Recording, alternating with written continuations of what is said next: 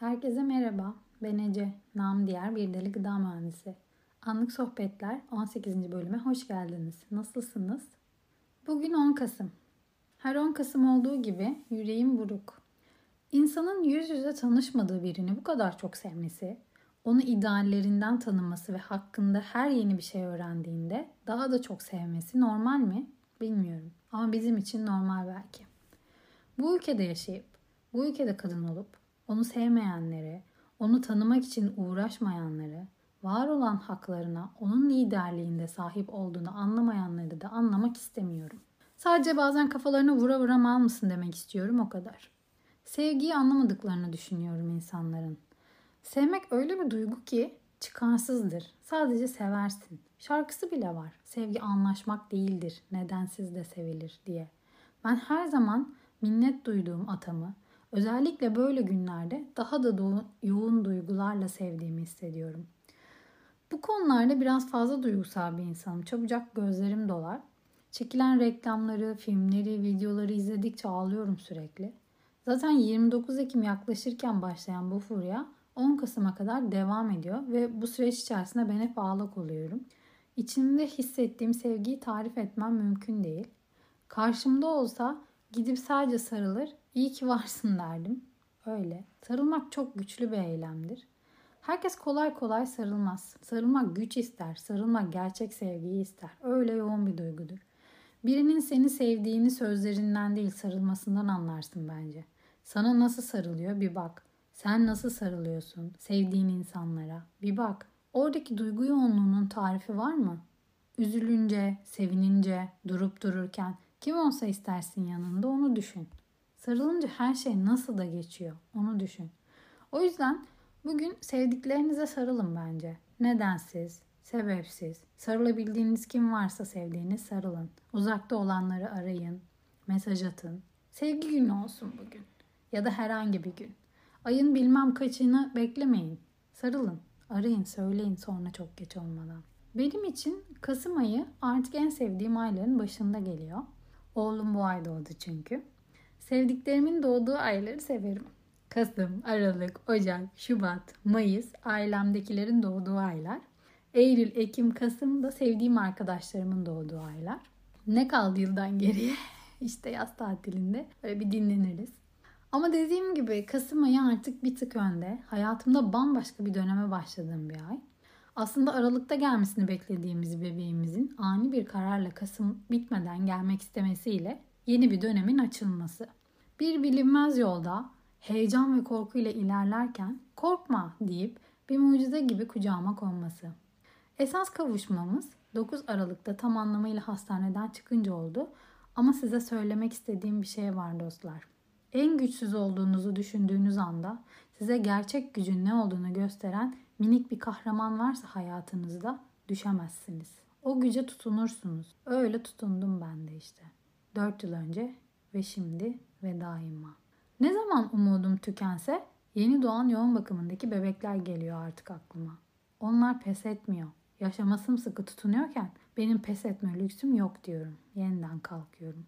Bence umudun ne demek olduğunu anlamak için herkes bir kere o yeni doğan yoğun bakımına girmeli. Öyle bir yer ki senin canın orada entübe olmuş yatarken, tüm aklın fikrin ondayken, sen kucağına en azından iki gün alabilmiş olduğuna şükrederken yanından bir ses duyarsın. Bugün kucağıma alabilecek miyim? İki ay olmuş hala alamamış bir annenin umut dolu sesi. Öbür taraftan başka bir ses duyarsın bir babadan. Ben süt getiremedim annesi hala yoğun bakımda. Sağmadı. Alın bende ne varsa paylaşsınlar demek isterken bulursun kendini. Kendi haline üzünürken kendini bir anda şükrederken bulursun. 500 gram doğmuş bir bebeğin yaşama tutunmasına tanık oldum ben orada. Benim senin düşme lüksümüz yok o yüzden. O yüzden zaten tüm isyanım. Onlar minicik hallerinde hayatı tutunmak için var gücünü kullanırlarken bizlerin böyle en ufak bir şeyde düşmemize artık dayanamıyorum. Geleceği onlar için daha yaşanabilir, daha adil bir dünya haline getirmek için çabalamayanları anlayamıyorum. Sadece kendi başıma geldi diye düşündüğüm şeylerin o yoğun bakımda ne kadar çok insanın başına geldiğini görünce beni anlayan çok kişi olduğuna inanmak istiyorum. Hayatımın belki de en zor 10 günüydü. Çok şükür artık geçti. Artık 4 yaşında. 10 gün yatışının, dinlenişinin vermiş olduğu enerjiyle durmadan koşturmakta, bıcır bıcır konuşmakta. İstiyorum ki tüm çocuklarımız mutlu, huzurlu, sağlıklı olsun. Dünyanın tüm her yerindeki çocuklar huzurla başlarını yastığa koysunlar. Günümüz dünyasında hayal gibi bir istek olarak görünüyor değil mi? İstesek neler yaparız ama. İstemiyoruz galiba yeterince. Bazen hiç haberleri okumayayım, sosyal medyada gezmeyeyim istiyorum. Tüm enerjim çekiliyor gibi geliyor.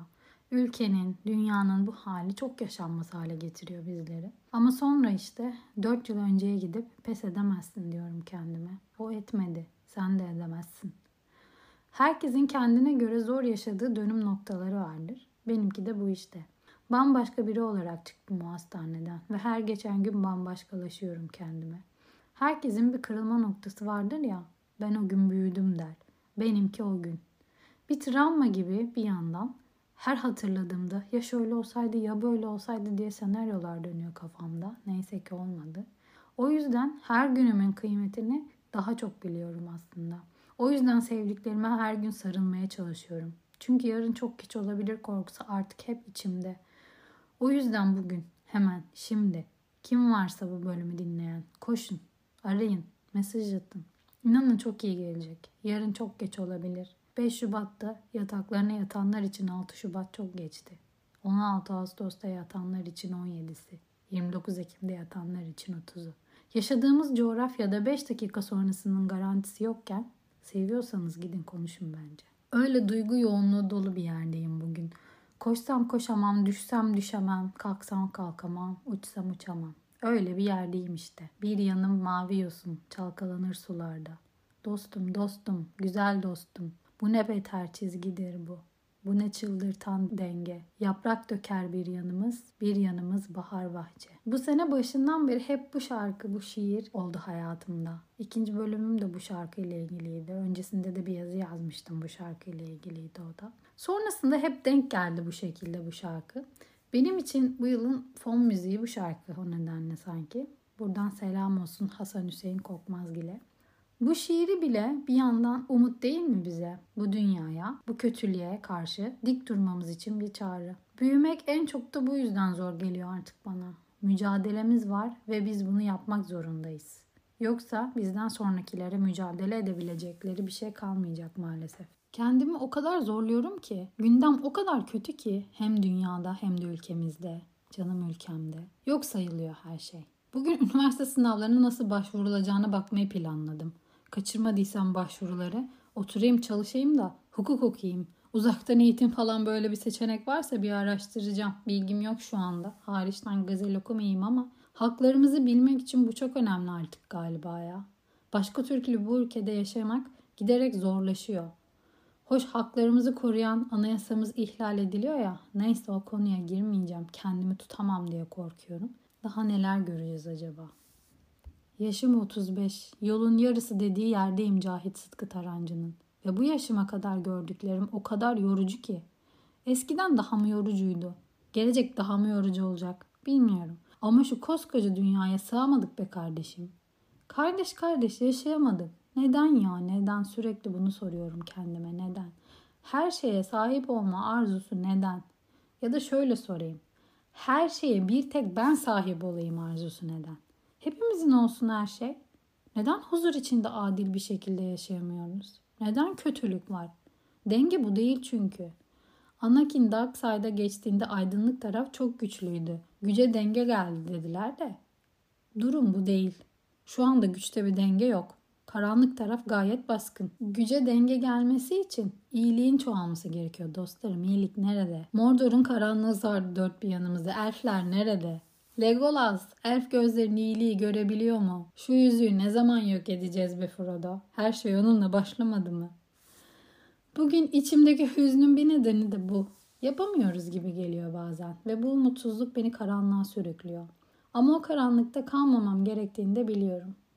Cumhuriyet'in 100. yılında olmasını istemediğim şeyler olup duruyor. Haklar yeniyor. İnsanlar para hırslarından çürük binalar yapıp milyonlarca insanı öldürüyor. Dünyada bir katliam yaşanıyor, çocuklar ölüyor.